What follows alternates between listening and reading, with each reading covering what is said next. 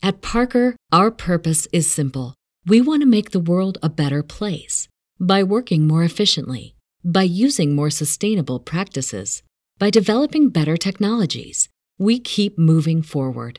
With each new idea, innovation, and partnership, we're one step closer to fulfilling our purpose every single day.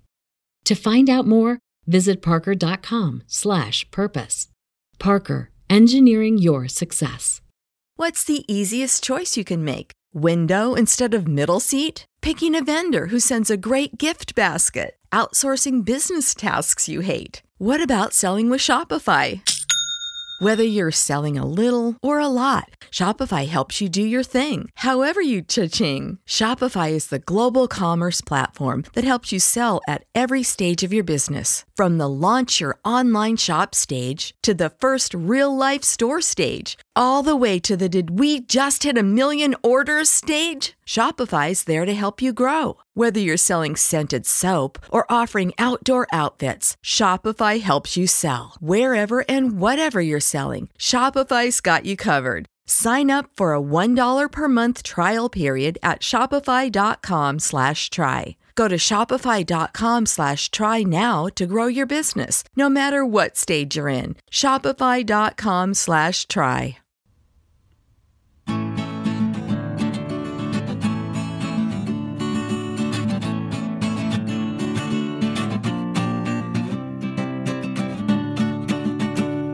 Welkom beste luisteraars bij een nieuwe aflevering van History en Mythologie. En vandaag gaan we het hebben over cinematografie. Nou, cinema, dat ken je natuurlijk wel van het woord ja, cinema, een bioscoop. Eh, het wordt ook wel filmologie genoemd of uh, filmgeschiedenis, filmkennis. We hebben vandaag dan ook een, uh, een gastspreker, Karsten. Dit is oh? Douglas. Ah, Hallo. Douglas. Welkom. Hey Douglas, we hebben jou uitgenodigd omdat je natuurlijk professioneel cinematograaf bent. Wat, uh, wat is cinematografie eigenlijk precies? uh, ik, ben, ik ben professioneel editor. Ik ben niet per se. Uh, zeg maar, we hadden het er net eigenlijk al over. in, in, in de cinematografie, zeg maar, in, in dat vak. hebben we de, ook de cinematograaf, en dat is meer iemand die achter de, achter de camera staat. De director of photography, zeg maar. Ja, dat heet echt een, een cinematographer. Daar heb je ook wel de Oscar voor, beste cinematografie. Ja, precies. En ik ben meer de editor, dus ik, ik ik knip dingen uh, aan elkaar en ik maak daar een coherent verhaal van. Ja, ja. Zeg maar hopelijk zoals de regisseur het bedoeld heeft. Ja, maar algemeen cinematografie of filmkennis. Je hebt dan een, een grote kennis van film. Je hebt de, eh, de opleiding gedaan aan de HKU. Ja, zeker. Net als jij. Alleen dan een andere opleiding op de HKU. ik heb uh, Image and Media Technology gedaan en niemand weet echt waar dat over gaat. Maar het is meestal, ik, ik beschrijf het meestal als je bent verantwoordelijk voor korte, korte filmpjes, zeg maar. Ja, ja.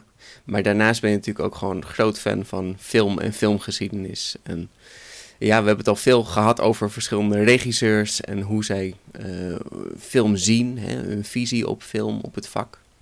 Mm -hmm. En uh, ik vond het ontzettend leerzaam en daarom wilde ik toch heel graag je uitnodigen voor de podcast om daar eens over te hebben. Yay! Eh, ik heb een onderwerp voorbereid en uh, het onderwerp gaat over uh, talkies. dus zeg maar, um, er zijn een hele hoop transities geweest in, in, in, film en video. Bijvoorbeeld, we hebben rond 1998 begon de, de eerste transitie naar high definition. Dus zeg maar, mm. meer, meer pixels is meer beter. Um, transitie naar widescreen was in de, in de jaren 90. We hebben natuurlijk ook een hele tijd zwart-wit tv gehad. En we zijn naar kleuren tv gegaan rond 1947. Uh, maar ik wil je wel even bij zeggen, kleurenvideo bestond eigenlijk al sinds 1902. zeg maar toen. Ja, zeg maar, je, je kan de individuele cells kan je gewoon naderhand, uh, naderhand verven, bedoel ik. Hmm. Dan film je het in zwart-wit en dan ga je het daarna verven. Dus dat is iets wat George Méliès al deed in, uh, in 1902. en je hebt ook een hele tijd films gehad waar een soort uh, kleuren wash overheen zit. Dus als het bijvoorbeeld uh, een donker situatie is, een nachtsituatie, dan maken ze het dan blauw. Hmm. Uh, en als er iets in de fik staat of zo, dan maken ze het rood. Gewoon voor de emotie, zeg maar. Maar dan is dan het hele beeld een bepaalde kleur in plaats van dat er individuele dingen ingekleurd zijn. Ja, ja dus de zwart-wit film was niet altijd alleen maar zwart-wit, maar soms gaven ze ook gewoon één kleurtoon om, om een beetje een sfeer te geven. Ja, precies. Hm. en in 1927 begonnen de Talking, de talking Pictures, zeg maar. dus daar wil ik het graag over hebben. maar om daar te komen bij het onderwerp moeten we eventjes een beetje een soort van context hebben van waar zitten we, niet alleen in de geschiedenis, maar ook waar zitten we in technologie. Hmm. maar je kan je misschien voorstellen dat het, het toevoegen van geluid, dat dat best wel een heftige verandering is in de filmgeschiedenis. Maar uh, we hebben dus zeg maar twee elementen. We hebben geluid, we hebben beeld en deze moeten dus bij elkaar komen. Maar hun, uh, hoe dit is opgebouwd, dat is, um, heeft twee verschillende geschiedenissen, zeg maar. Hm. Bijvoorbeeld foto's en video's. Um, dat, dat was op een bepaald moment natuurlijk is, is ergens in the grand scheme of things relatief nieuw. In bijvoorbeeld de Romeinse tijd konden we geen foto's maken, geen geluid opnemen. Dit is echt iets wat voor, uh, voor video echt begon in uh, rond 1717. Dat is Johann Heinrich Schulze. Die uh, had al van allerlei experimenten. Maar de eerste echte foto, die kwam rond 1820. Dat is 200 jaar geleden. Dat klinkt heel erg als, als heel erg veel, maar jullie hebben het echt al over dingen gehad die veel langer geleden zijn dan ja, dit. Ja, zeker, zeker. Uh, dat was uh, door, door jo Joseph uh, Nis Nisfore Ni Nijeps. Mm -hmm. Ik, het, het, is een Franse naam, het is een moeilijk uit, uit te spreken naam. Maar het zou daarna nog zeker 70 jaar duren voordat er echt like, bewegende film was. En dat was dan door de Lumière broeders in 1895. Dus dat is. het heeft best wel lang geduurd sinds uh, de eerste foto voordat we echt daadwerkelijk bewegende beelden hadden. Ja, want je moet dus uh, allerlei foto's achter elkaar zetten. Maar het probleem met foto's maken was dat het heel lang duurde. iemand moest gewoon wel een kwartier stilzitten of misschien langer. Ja, ja want zeg maar, dat werkt dus door um, in eerste instantie dat er, er, er, komt, er, er schijnt licht ergens in. En dat licht dat verbrandt dan iets. Dus dat wordt zwart. Uh, hoe lichter het is, hoe zwarter het wordt. En uh, als, het, als het niet zo licht is, of bijvoorbeeld een beetje grijs is, dan wordt het maar voor de helft uh, verbrand. En dan heb je een soort negatief. Mhm. En dat met een of ander proces draai je dat om, zodat er. je schijnt er eigenlijk licht doorheen en dan wordt het weer. Zeg maar, dan door het witte wordt niet heen geschenen en door het zwarte wel. En dan heb je een video. Um, en dat was natuurlijk voor die tijd was het echt bizar dat je ineens zomaar iets, uh, uh, iets kon capturen, iets kon vangen, zeg maar. Een soort beeld kon vangen en ergens op kon reproduceren. Dat is natuurlijk, het is eigenlijk heel erg bizar dat dat kan. Ja. Uh, voor geluid was het in, begon het in 1857. Oh. Dus dat is, dat is een heel stuk later. Dat is bijna 100, 140 jaar later dan like de eerste, het begin van de eerste proberen dat ze een foto gingen maken. Um, en dat was een Franse drukker, Edouard Léon Scott de Martinville. Maar alle Franse mensen vandaag hebben echt super lange, vervelende namen. Ja, fantastisch. uh, die had, uh, dit ga ik even een klein beetje voorlezen, want het is een, een moeilijk ding. Maar dat is een apparaat, die had een apparaat bedacht waarin een hoorn met een stift uh, eraan geluidstrillingen vastlegt op een met roet zwart, zwart gemaakt stuk papier. Dat is vastgemaakt op een draaiende trommel. Hmm. kan je iets van een voorstelling van maken hoe dat, hoe dat werkt? Nou ja, wat ik dacht, maar ik, ik wist wel dat het niet zo was, dat, dat zeg maar Edison heeft het eerste patent op een geluidsopnameapparaat. En dat is inderdaad een soort kokertje. En dat kokertje, daar loopt dan een soort grammofoonnaald overheen. Ja. En op, die manier vangt hij of speelt hij dan geluid af. Ja, precies. Dat is de fonograaf. Uh, maar deze, wat, dit, was, dit was eerder al. Dit was de fonautograaf. Dat was een fantastische uitvinding. Uh, maar er was iets, uh, iets mee waardoor het niet helemaal um, fantastisch was. Het kon geluid opnemen, die fonautograaf. Mm -hmm. Maar hij kon het niet afspelen. Oh. zeg maar dat is wat de fonograaf later deed. Maar, um, zeg maar zijn opnames, want hij had dus een opname gemaakt van een, een liedje wat hij gezongen heeft. Dan moest hij echt, het moest, hij moest echt heel luid dat liedje zingen. Je moet eigenlijk moet je een beetje inschreeuwen, anders neemt hij niks op. Um, maar hij is, uh, die Eduard Leon Scott de Martinville, heeft zelf nooit zijn eigen geluid kunnen terughoren. Maar in 2008 is dit door, uh, door wetenschappers hebben ze dat uh, weer kunnen afspelen. Dus dat is de oudste opname van, van een persoon. Wauw, is dat te vinden? ja, zeker is dat. Volgens mij is dat gewoon online te vinden. Oké, okay, insert clip.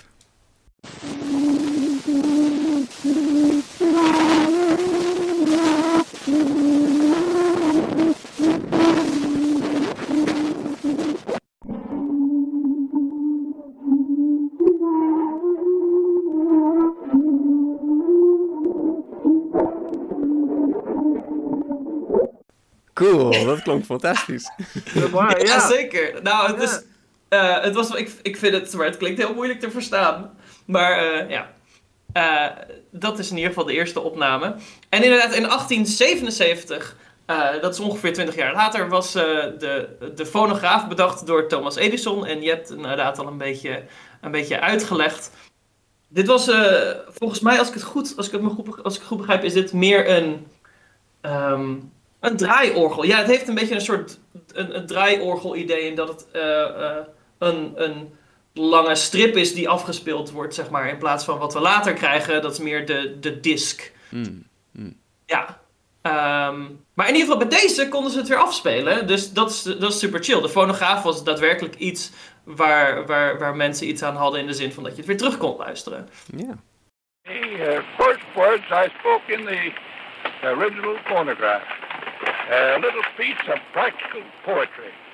Mary had a little lamb, its fleece was white as snow, and everywhere that Mary went, the lamb was sure to go. Uh, dus met deze twee technologieën, uh, uh, die waren beschikbaar. en daarmee begint ons verhaal een beetje echt in 1927.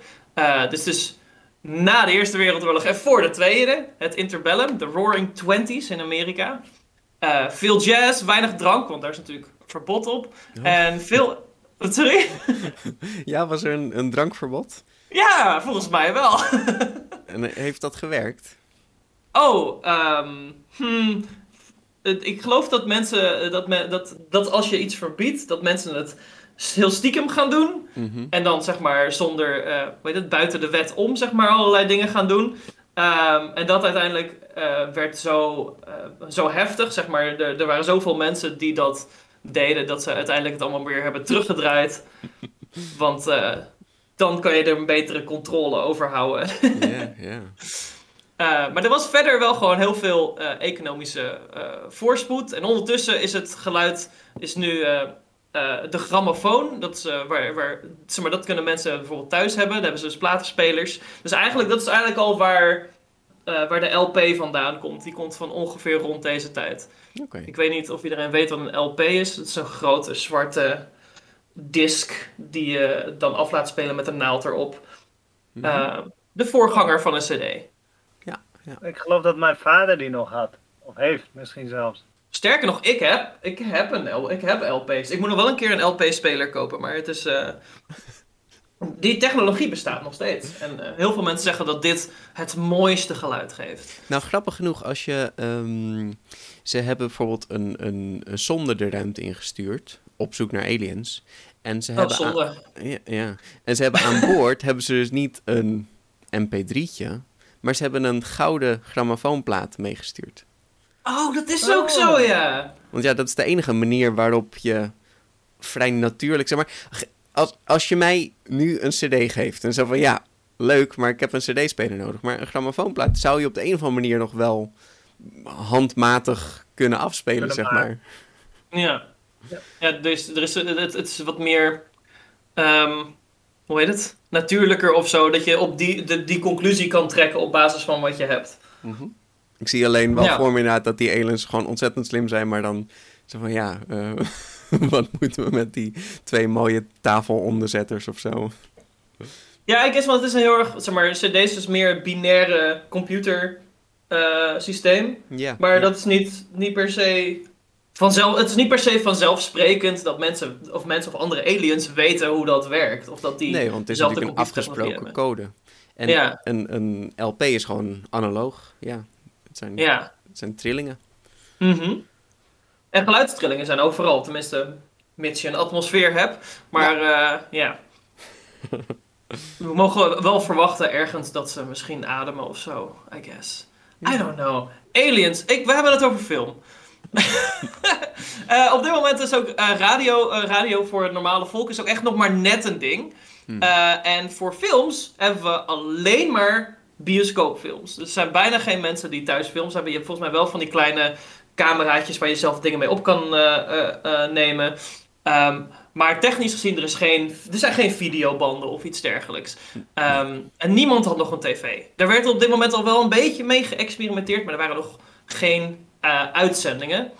Um, dit was dus uh, de tijd van de silent film, waarin film dus geen geluid heeft. Daar komen we later op terug. En uh, voor 10 tot 25 cent kon je toen naar de, naar de film. Dat was redelijk, redelijk duur. Het was ook, het was oké. Okay. ja, ja, voor die tijd inderdaad duur. Ja, ja. ja. uh, maar waarom, uh, even voordat we, voordat we verder gaan, waarom focussen we op Amerika en Hollywood?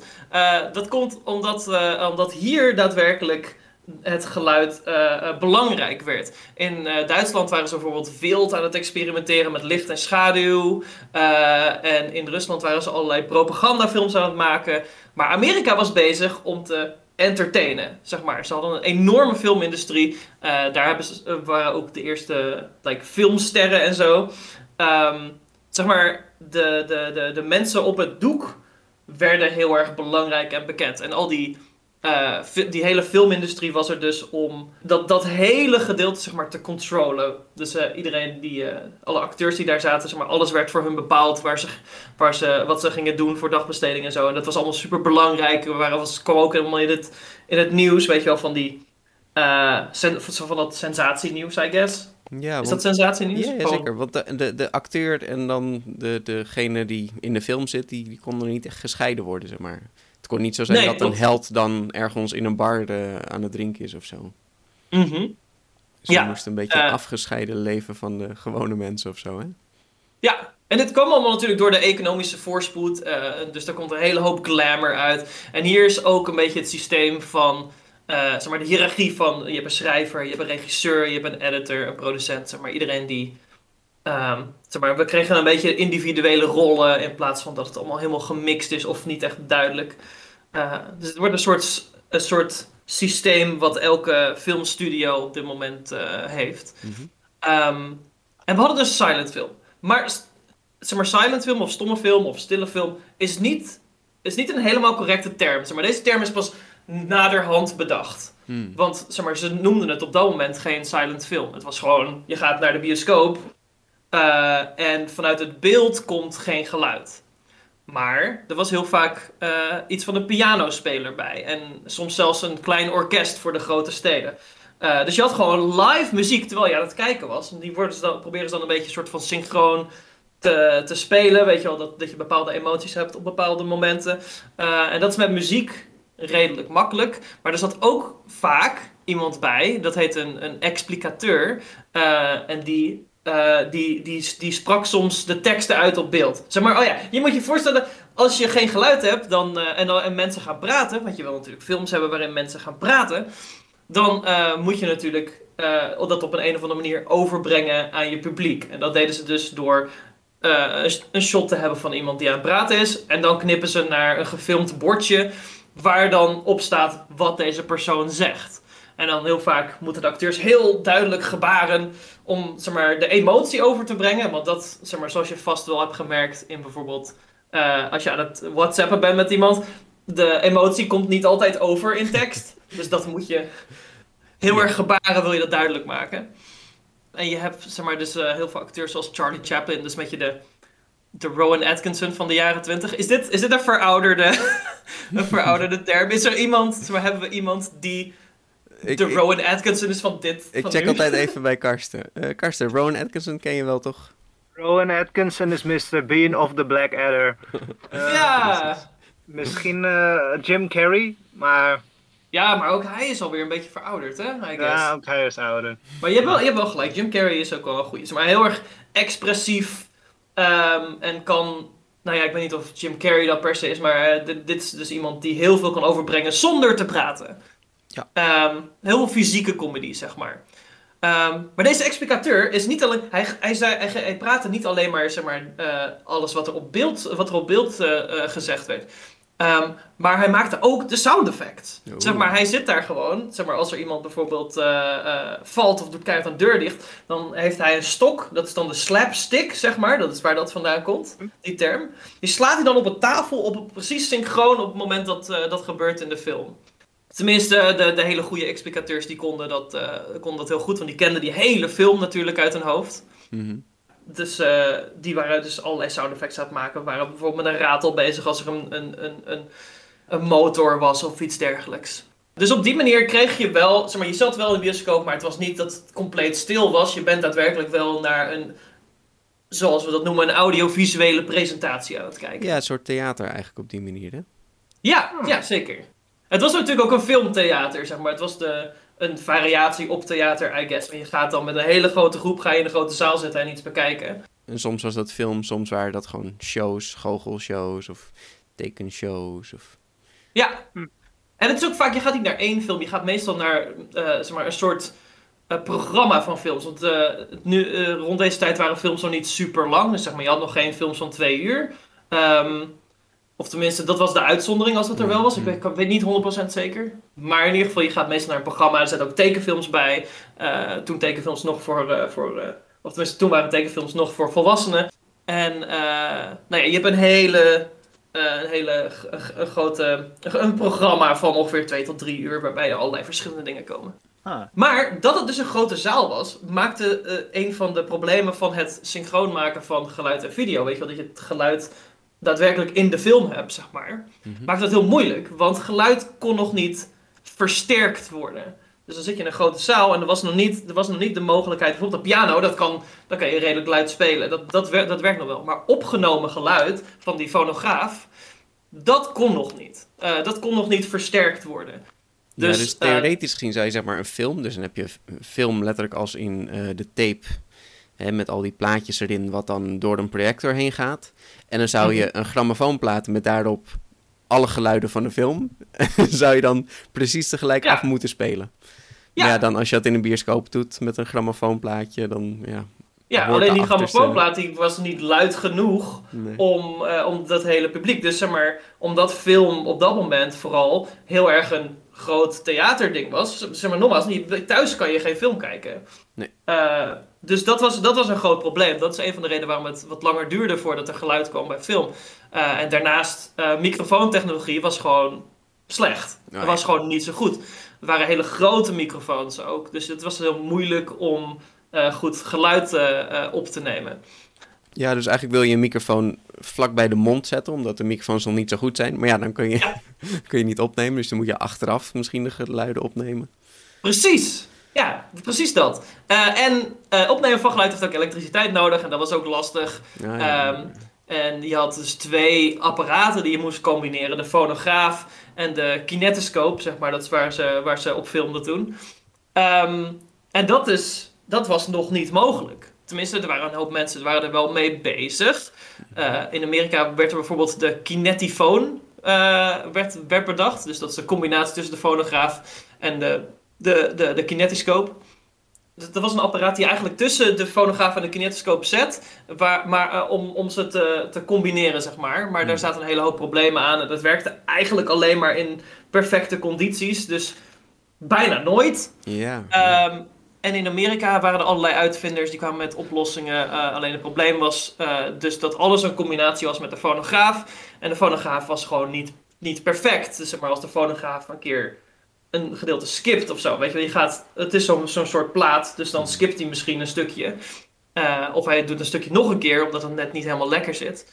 Uh, of in de film gaat het misschien niet, uh, niet, niet zo lekker. Want ook, de, ook het film afspelen ging niet altijd even soepel. Mm. Dus als daar een soort mismatch in zit, dan is de audio niet meer synchroon.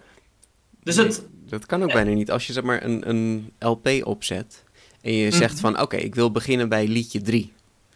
Ja. ja. dan heb je geen idee. Je gaat gewoon naar die groeven staren en dan denk je, nou ja, ongeveer hier dan maar.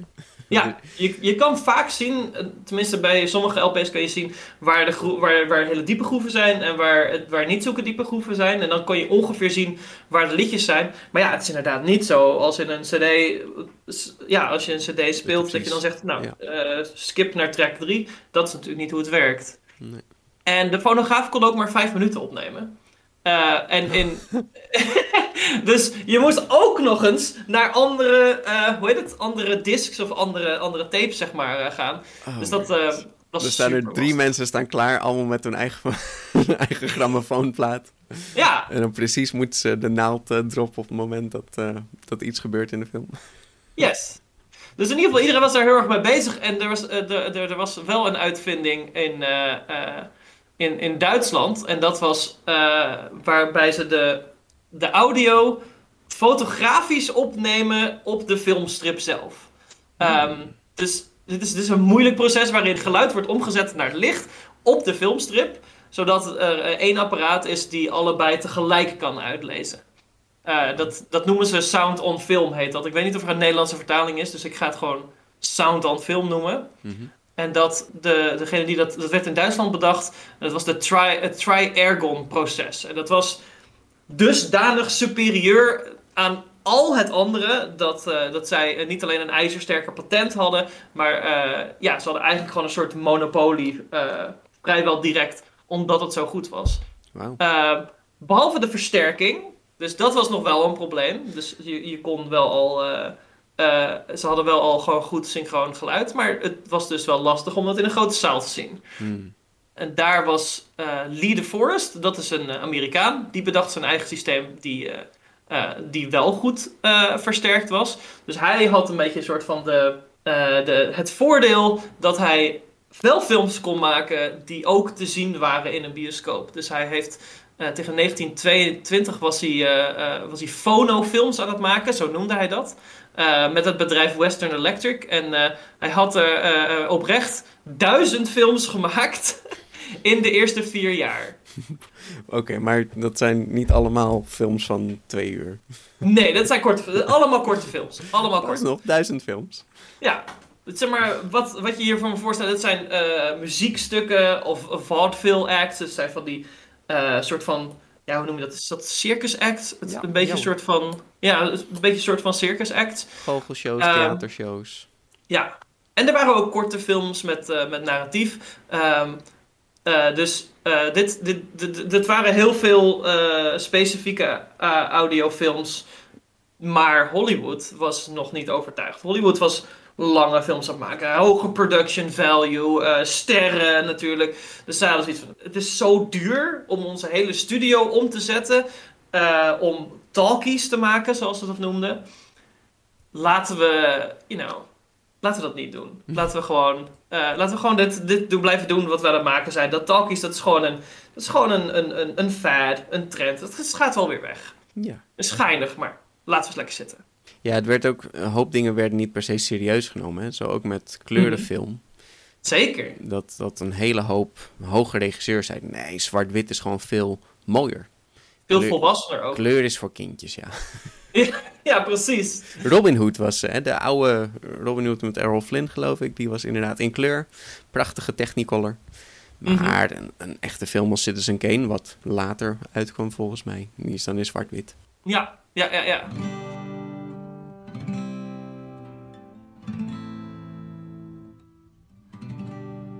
Er was alleen één studio, eh, een studio die nu nog steeds bestaat, Warner Brothers. eh, en die had zoiets van. Vraag me af, is dit niet gewoon de toekomst van film?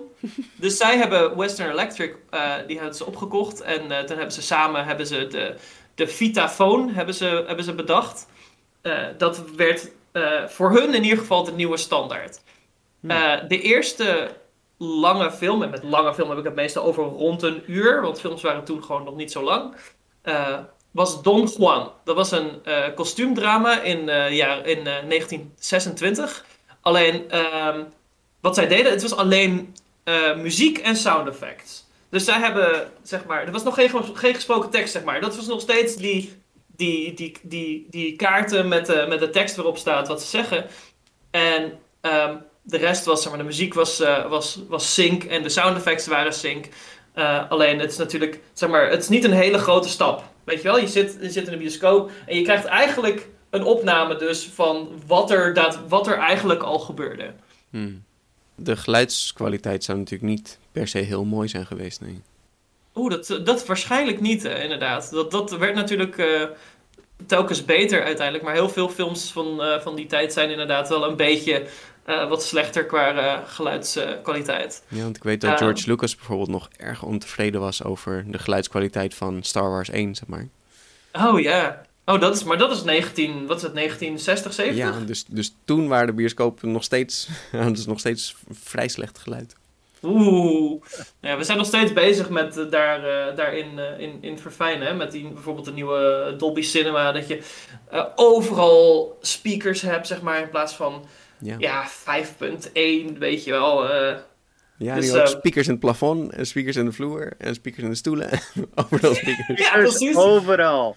Ja. Dus uh, ja, dat zijn allemaal, zeg maar, we zijn, we zijn nooit tevreden, I guess. Nee. Um, en er was voor, voor, die, voor Don Juan, dat was dus een, een, film, maar ze hebben daarvoor hadden ze ook korte films aan, aan met, met zinkgeluid, dus wat muziekoptredens. Um, er was ook een gesproken bericht van, uh, van Will Hayes, dat was de president Motion Pictures Producers and Directors of America. Dat is een best wel belangrijke man en die, die kondigde aan van, hey, welkom bij het begin van het tijdperk van geluid. Weet je wel, die was echt naar het publiek dit aan het speechen, zeg maar. Oh, wat goed. Uh, en het publiek was best impressed. Zeg maar, die, uh, er waren een hele hoop mensen die, die, die erop afkwamen. En uh, het was technisch gezien was, zeg maar, een, box, een grote box office succes. Maar deze, deze film kostte wel ontzettend veel geld. Het was namelijk wel zeg maar, echt een, een orkest ingehuurd om, dit hele, om de hele muziek in te spelen. Dus zeg maar, dat was wel zeg maar, waardoor dit misschien net iets, een net iets betere ervaring was dan dat kleine orkestje wat je normaal in zo'n filmtheater kan, kan proppen. Uh, maar het was niet genoeg om de kosten te dekken. Dus, um, en dit kwam omdat de hele hoop bioscopen nog geen, nog geen geluidsfilms aankonden. Dus uh, ze hadden gewoon een gelimiteerde release, zeg maar. En ook al waren die allemaal uitverkocht, was dat niet genoeg om daadwerkelijk uit de kosten te komen. Maar Warner Brothers was om. Ze zagen het eh, de, de potentie van de, van de film. Ze zagen dat het voornamelijk lag aan de hoeveelheid films die ze konden afspelen in, in heel Amerika. Dus ze gingen door. En ze gingen nog verder in de schulden om, om meeste bioscopen te, om te zetten voor, voor, voor, de, voor de Vitaphone, zeg maar. Hm. Nou ja, het is gelukkig goed afgelopen met Warner Brothers, dus ja. Uh. Ja, voor zover ik weet wel, ja. uh, en in 1927 kwamen ze met de eerstvolgende film. en in deze film gebeurt er iets speciaals. Dit is, dit is het omklapmoment. Uh, dat was The Jazz Singer. En dat gaat over uh, een, een, karakter, dat heet Jackie Rabinowitz. Uh, die werd gespeeld door Al Johnson. Dat is een, een, jong Joodse, een jonge Joodse man, die, gaat, die gaat zijn familie tegen. Dus die heeft een soort van ruzie met hun. En die gaat zelf op pad. En dan gaat hij, um, gaat, zeg maar, een carrière beginnen in de muziek. Dus hij wordt een jazzzanger, een entertainer. Um, en hij verandert zijn naam naar Jack Robin. Uh, en uiteindelijk, uh, richting het einde van de film, komen zijn, uh, zijn professionele ambities alsnog in conflict met de eisen van zijn familie en het Joodse verleden. En nou ja, hoe dat afloopt, dat kan je zien in The Jazz Singer uit 1927. Hm. Maar um, dit was dus wel gewoon een muziek die eigenlijk grotendeels nog steeds een, een silent film was. Uh, er zijn allerlei tussenstukken, dat was gewoon met, met die intertitels, met die, die teksten voor de dialoog. Ehm, maar alle muziek uh, on stage, zeg maar, dus alles, al zijn performances, die werden wel met de Vitaphone opgenomen. Hmm. Maar wat er gebeurde, wat dit zo speciaal maakte, is dat L. Jolson, um, die improviseerde wat van zijn dialoog. Dus die was heel erg, uh, uh, net voordat hij ging zingen, had hij een soort van gesprekje met het publiek, zeg maar. En um, dat, was, dat was magisch. Want je moet je voorstellen, dit is de eerste keer dat, uh, dat het niet iemand is die naar je spreekt. Het is geen speech, weet je wel? Het is geen muziekoptreden die, dat, dat gemaakt is als muziekoptreden. Het is, je zit in een verhaal en je ziet deze, deze, deze karakters met elkaar interacten. Nou ja, in ieder geval, je ziet L. Jolson interacten met het publiek zeg maar, hier komt ook de iconische, uh, de iconische line. Wait a minute, wait a minute, you ain't heard nothing yet. Now wait a minute, you ain't heard nothing. Zeg maar, als een soort van profetisch voor de toekomst, zeg maar, van, want you haven't heard anything yet. Dit is, dit is de nieuwe vorm van film. Er was ook een applaus naar elke dialoogscène en naar elk liedje. Zeg maar, iedereen vond het fantastisch. Ja, bioscopen um, waren echt een, een uitje. Mensen waren heel ja, ja, ja. over. Ja. En je hebt ook een scène waarbij hij met zijn met met moeder praat. Maar. Hij is eigenlijk al aan het spelen, dus daarom werd het opgenomen. Daarom hadden het ook geaccepteerd. Um, en hij is dan lekker met zijn met met moeder aan het praten over van alles. Uh, over uh, dat hij liedjes op een bepaalde manier speelt. Uh, dat hij dit liedje speciaal voor haar, voor haar nu, nu gaat zingen, weet je wel. En het is, het is, het is super leuk om naar te kijken. Je kan je best wel voorstellen dat, dat iedereen in het publiek zat van... Oh, maar ik word helemaal meegetrokken in deze film. Voor de eerste keer op deze manier. Maar de Jazzinger is dus niet echt de eerste, de eerste complete talkie. Want het is niet de hele film door. Uh, maar het is wel dus waar de, de nonchalantheid van zomaar een gesprek horen... Uh, dat dit zo een succes wordt. Ja, mensen um, zagen echt opeens de potentie ervan. Ja. Dus en het werd ook... Doorbraak. En het werd ook een commercieel succes. Uh, Nou moet ik wel zeggen dat de, deze film niet goed uh, aged. Zeg maar, uh, L. Jolson zit hier ook in met blackface. Dus ook niet helemaal fantastisch. Because we can't have nice things, I guess. Maar van wat ik gelezen heb, want ik heb heel even gekeken van wat, maar wat is de context. Zeg maar, hij, het, is, het is ergens. kennelijk heeft L. Jolson een hele goede relatie met de black community van die tijd. Uh, en zijn performance schijnt een beetje een, een, metafoor te zijn voor zijn eigen strijd met, uh, met zijn uh, Joodse bestaan, met het lijden van, van, van Joden. Dus ik weet niet of dat het goed maakt, maar het maakt het in ieder geval complex. het is niet, niet een makkelijk. ja, het is goed, ja, het is slecht, I guess. Nee, zo zijn er meer dingen in de filmgeschiedenis die ja, heel mooi zijn, maar tegelijkertijd ja, een hele slechte context hebben. Ja, ja, ja, ja, precies. En in 1928 maakte Warner weer een film met L. Johnson. Uh, met nog meer synchroon geluid. Dat heet The Singing Fool. En deze film deed het nog beter dan The Jazz Singer. Uh, en datzelfde jaar maakten ze ook uh, Lights of New York. Dat is de allereerste complete all-talking full-length feature. Wow. Van, vijf, van 57 minuten. Oh. Maar goed. Um, maar het was dus heel duidelijk, zeg maar, talkies waren hier wel echt om te, om te, om te blijven. Ja, gaaf. Um, dus zeg maar, dit, dit was ook de, het begin van een, een hele hoop nieuwe genres. Bijvoorbeeld musicals konden eindelijk iets worden. Uh, je kreeg, kreeg uh, bijvoorbeeld Disney tekenfilmpjes kregen geluid. Dit is ook waar, de, uh, waar Steamboat Willie zeg maar, kwam precies rond deze tijd. Dus de eerste Mickey Mouse cartoon voor iedereen die dat niet weet. gangsterfilms en monsterfilms werden heel erg een nieuw ding. Want je, ze konden veel meer met sound effects. waardoor dus zeg maar dingen best wel eng werden. Uh, je had ook, uh, wat dat noemen ze, uh, krantenfilms. Zeg maar films over, over kranten, waar, ze, waar, waar de hele snelle dialogen in zitten. en dat volgens mij valt Citizen Kane daar ook onder, waar we het eerder over hadden. Um, ja, dat is een ongelooflijk draaipunt van de geschiedenis van film. En eigenlijk, ik, zeg maar, ik zou zeggen dat dit is, dit is waar de film echt begon, zeg maar. In de zin van hoe, het er, hoe, het er, hoe, hoe wij het nu uh, meemaken. Ja.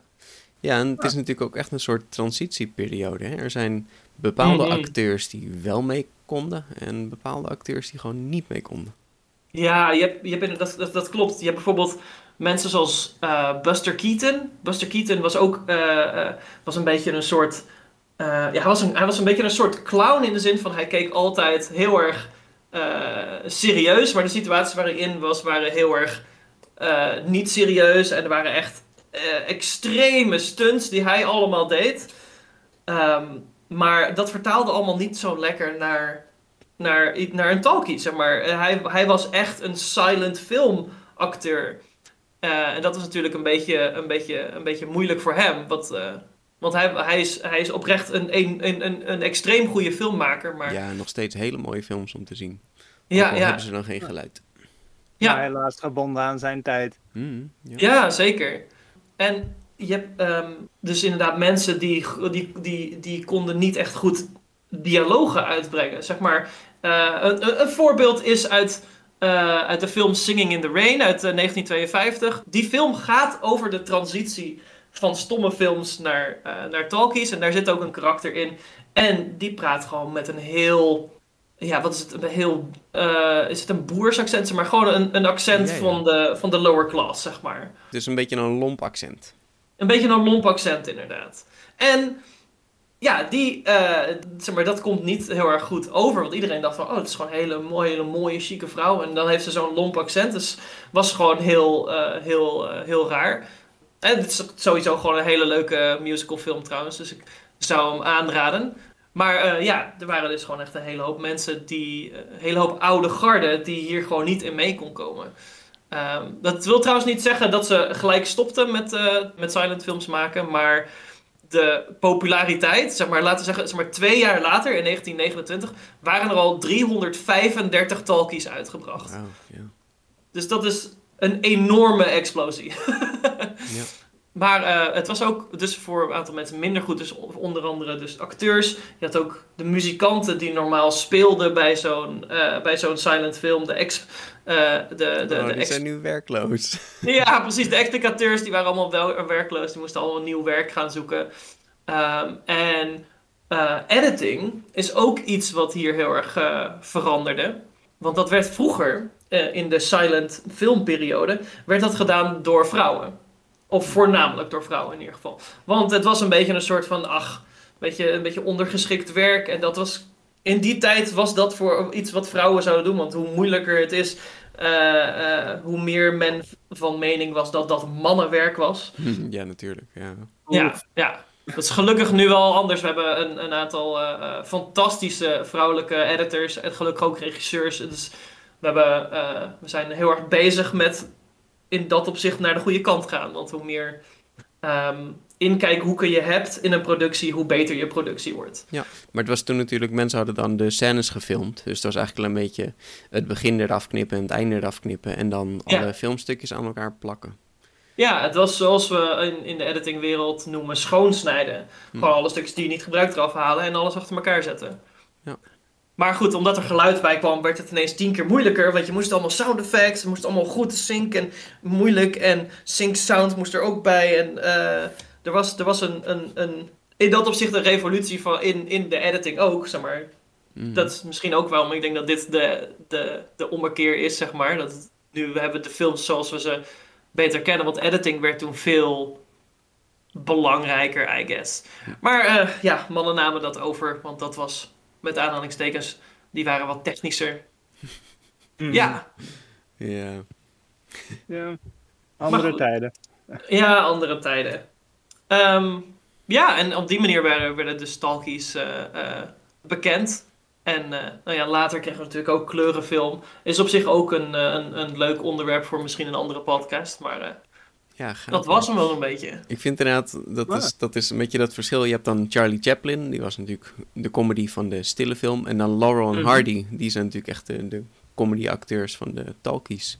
Ja, maar Charlie Chaplin was ook. eh, die, die, die heeft de overgang naar, eh, naar geluid wel wat beter gedaan. Hè? Want de, de Great Dictator, waarin hij dus eh, Hitler persifleert. Want maar, dat is net voor de Tweede Wereldoorlog, dus Hitler was in Duitsland ook al een beetje een ding aan het worden. Hm. Ehm, die, eh, dat was gewoon een talkie. Oh ja, dat is zo. Ja. Ja.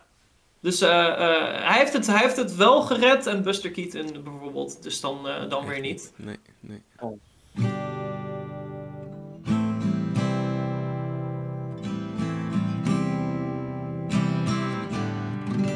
Karsten, heb jij wel eens een silent film gekeken?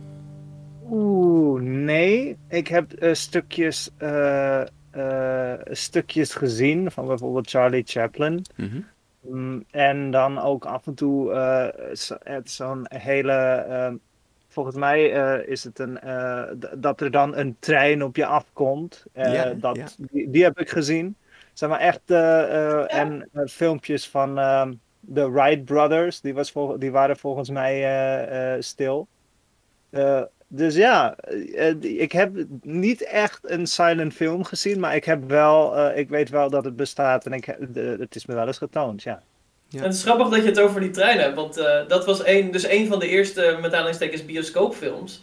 Was dus een trein die, eh, die aankomt op een station, maar mensen waren zo niet voorbereid op, eh, op beeld dat op hun afkwam, dat sommige mensen daar gewoon oprecht even bang van werden. Dat, eh, dat, dat, eh, dat, er een, dat er dus een trein op hun afkwam. Ja, maar inderdaad, soms waren die filmpjes zo, zo simpel, hè, dat een trein binnenkomt. Ze hebben ook een fabriek waar mensen gewoon naar buiten komen gelopen. Ja, Ja, dan zit je gewoon ja. 10 minuten te kijken naar mensen die langslopen. Nou ja, als, als je Ja, nog nooit film hebt gezien, dan is dat best leuk. Ja, zeker. Ja. Je kijkt toch met andere ogen naar een film dan naar de werkelijkheid. Ja.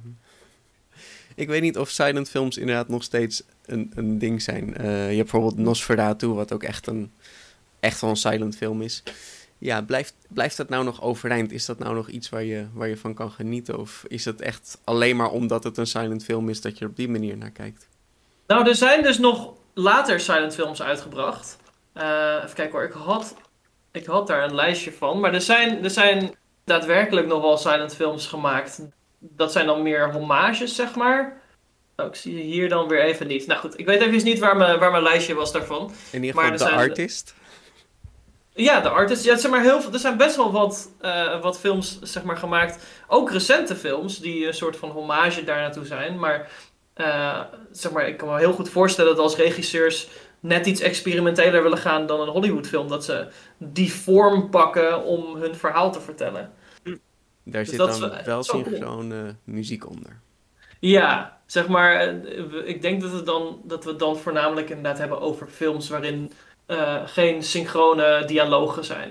Zoals mensen praten, dat je dan misschien nog wel een kaart hebt of helemaal niks. Bijvoorbeeld bij, bij Buster Keaton uh, hebben, ze die, hebben ze wel dialogen, maar uh, het, het, gaat zoveel meer om het visuele aspect dan ja, om dialoog. Dat als je ziet dat twee mensen een soort ruzie hebben, dan hoef je niet precies te horen wat ze zeggen. Ze zijn gewoon boos op elkaar. Dus dat is dan theater en dan snap je dat ja. heus. Ja, Buster Keaton films hadden echt meer dan 50% minder intertitels, omdat dat gewoon niet het belangrijke was van die films. Ja, echt heel gaaf, Douglas. Wat, wat, wat tof eigenlijk dat er dus twee van die verschillende.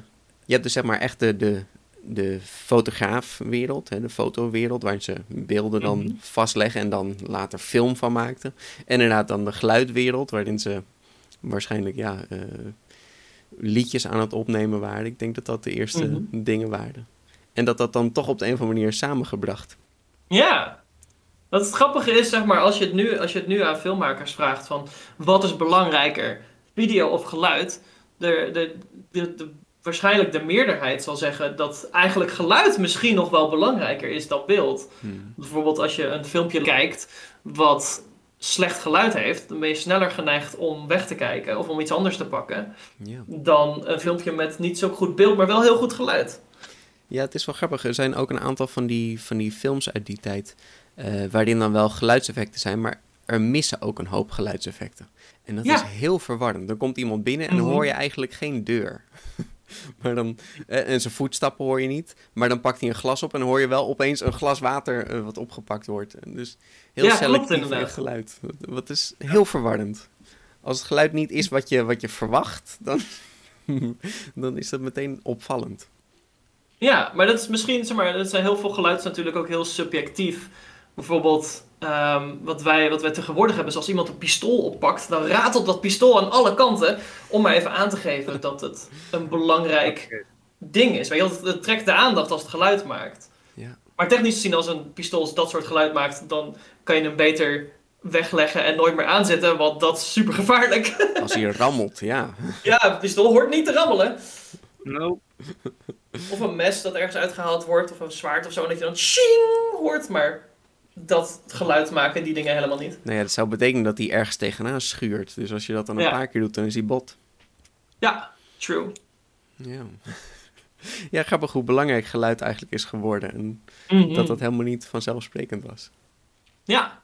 Zouden we nog mensen aanraden om bepaalde films te kijken? Heb je nog een, eh, een leuk lijstje? Mm, ja, ja. maar ik, ik ben heel erg fan van Singing in the Rain. Maar ik, uh, ik, kan, ik kan niet echt, zeg maar, ik kan de jazzzanger niet per se aanraden, want het is voornamelijk gewoon uh, muziek. Het is wel leuk, maar uh, het is een gewoon. beetje doorheen.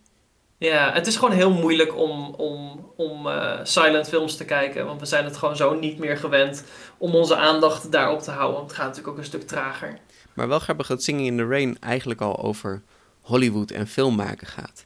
We hebben nu nog steeds eigenlijk dat heel veel films gaan over maken van films of gaan over acteurs of, of beroemd worden. Singing in the Rain komt ook uit 1952, dus dat is uh, ongeveer 20 jaar, 20, 25 jaar later oh, dan dat de talkies uh, dat oh, dus waren. Het is een period een nostalgische, ja. Ja. oh, wat leuk. Ja, dat heb je natuurlijk ook met Grease bijvoorbeeld. Um, Grease gaat over de jaren 50, maar het is een jaren 70 film, zeg maar. Oh ja, ja, ja, precies. nooit beseft op die manier dat het inderdaad een nostalgische blik is op een, op een oudere tijd. Mhm. Ja, precies, omdat het allebei zo ver van je af ligt dat je dan denkt van, oh, dat is gewoon opgenomen en bedacht in die tijd. Maar, nou ja. Hey Douglas, heel erg bedankt voor deze leuke geschiedenisles over de Ja. filmgeschiedenis. Geen probleem, ik vond het heel leuk om het erover te hebben. Ik heb echt eh, eh, met smart naar je zitten luisteren, Douglas. Het was echt eh, ja, heel, heel interessant. Allemaal dingen die ik ook niet wist. Oh, cool. Oh, dat is wel fijn, want jij bent, jij bent meer de geschiedenisman. Ja, dat, dat is zo. Maar ehm, eh, ik zeg het in elke aflevering die ik doe, volgens mij. Geschiedenis is heel complex, want bijna elk woord dat, dat je kan bedenken heeft geschiedenis. Mhm. Dus, en ja, ik ben, het is onmogelijk voor één mens om alles te weten. Want eh, ik- ja, ik, ik, ik zelf ben niet eh, geschoold zoals jij in eh, filmografie en cinematografie. Ja, Mm. ik, voor mij is dit allemaal ontzettend nieuw. Kijk, sommige dingen dan heb ik zoiets van, ah ja, nee, dat weet ik wel. En dan sommige dingen heb ik echt, denk ik echt van, wauw, nee, dit is echt heel nieuw. Van bijvoorbeeld de evolutie van eh, een film, eh, van eh, stom naar geluid, naar het integreren is eh, iets dat, eh, dat, dat, dat gewoon voor mij vanzelfsprekend is. Omdat ik gewoon een, eh, een film aanzet en denk, ah kijk, er is geluid. En ik ben er totaal tevreden mee. Zeg maar. Terwijl vroeger was hadden ze het totaal niet. Ja, Wat ook wel interessant is natuurlijk dat, dat film heel anders werkt. Het werkt natuurlijk met frames. En geluid werkt helemaal niet met, met frames of zo. Dat, dat is, nee, klopt. dat is ook weer zo van hoe ga je dat dan synchroniseren? Milliseconde of microseconde. Ja, ja, precies. Dat is nog De- steeds wel eens lastig, hè? De hoeveelheid hertz is toch geloof ik hoeveel, eh, hoeveel op en neer je gaat in een, in een seconde of iets dergelijks, geloof Mhm. ik. Ja, ja. Ja. En dat is vaak 48.000 hertz of 41.000 hertz. Mhm. Zoiets dergelijks. Dat is echt heel veel. Ja. En dat moet je dan op de een of andere manier gelijk leggen met dan ja, een beeld wat een 24 of inmiddels 30 of soms 60 frames. Of... Dus ja, dat Nou, ja, de technologie maakt het nu allemaal wel heel makkelijk hoor. Eh, Vroeger was het heel, heel erg moeilijk, maar nu, nu is dat. Is het, het is, ja, als je met je telefoon iets opneemt, dan is het vanzelfsprekend dat daar geluid bij zit. Ja, grappig hoe simpel dat eigenlijk is geworden. Mhm. Maar ja, het is, het is sowieso ook niet echt een, een, een rechte ontwikkeling. Hè. De film ging ook allerlei andere rare dingen uitproberen. 3D-film is al geprobeerd in de jaren 40, Mhm. 50. Eh Smell-O-Vision met natuurlijk... eh, Oh ja, ja precies. dus we zeggen nu zo van, ja, er was eerst film, er kwam toen geluid bij, nu hebben we geluidfilm. Maar de- de- het is alle kanten op gegaan. Ze hebben maar wat geprobeerd. En dit, dit bleef al plakken, dat geluidfilm. Mhm. Ja, je hebt, je hebt gewoon, zeg maar, op het moment dat je Hollywood kan overtuigen dat iets belangrijk is, dan heb je het wel gemaakt. Wat misschien ergens jammer is, want je wilt natuurlijk eigenlijk ook gewoon dat het niet zo'n grote, log, zo'n grote logge machine is die overal eh, eh, overheerst. Maar ja, het is wel een, een graad van eh, erkenning, I guess. Jawel. Maar er veranderen ook nog steeds veel dingen. Want ik bedoel, tien jaar terug was film echt wel heel belangrijk. En tv, tv-series, weet je, ja, dat is een beetje, een beetje leuk. Maar nu zijn Mhm. tv-series ook Oscar-waardig en zo. Dus er, er Ja, zeker. wel dingen ontwikkelen. En die Ja. niet bedoeld waren, maar gewoon langzaam ja, veranderen. Ja, de dingen. gouden eeuw van, eh, van series zitten we nu in. Ja, zeker weten. De gouden eeuw, de, de, de, de gouden periode. Ik weet niet hoe lang deze periode gaat duren. Precies een eeuw. Ja, Ja, ja. Hé, hey, dankjewel. Heel fijn om zo te horen. geen probleem. Het was superleuk. Ja, En eh, wie weet, nog eens een keer een, eh, een cinematografie-aflevering van me leuk. podcast. Wil je nog iets eh, pluggen? Ik, heb een, ik heb een webserie, I guess. Die, die, kan je, die kan je checken. Het heet 33A Adventures. Dat is iets wat ik met, met andere HKU-genoten heb gemaakt. We zijn daar nog steeds mee bezig, na iets van 10 jaar. Ehm, want we zijn 10 jaar geleden begonnen en we hebben nu een hoop afleveringen. En we zijn het aan het, aan het afronden, I guess. Hmm. Dus in ieder geval, dat, dat kan je checken. Ik had ook een podcast. Heb, heb, technisch gezien heb. Ik heb nog geen aflevering gereleased dit jaar. Maar dat heet Cinema Code. En daar heb ik ook een keer met Peter gepraat. Eh, En daar, daar, praten, daar kijken we naar een film. En direct daarna praten we over, over die film. En dan alle ins en outs van het vak, hè? Ja, Ja. ja. Met professionals vaak inderdaad. Hmm. Helemaal goed. hey, dankjewel Douglas. Was super. Graag gedaan. En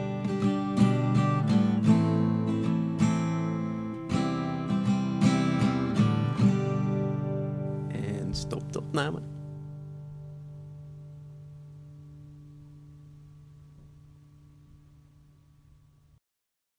When you visit Arizona, time is measured in moments, not minutes. Like the moment your work stress disappears as you kayak through the canyons. Or the moment you discover the life changing effects of prickly pear chocolate. But nothing beats the moment you see the Grand Canyon for the very first time. Visit a new state of mind. Learn more at hereyouareaz.com.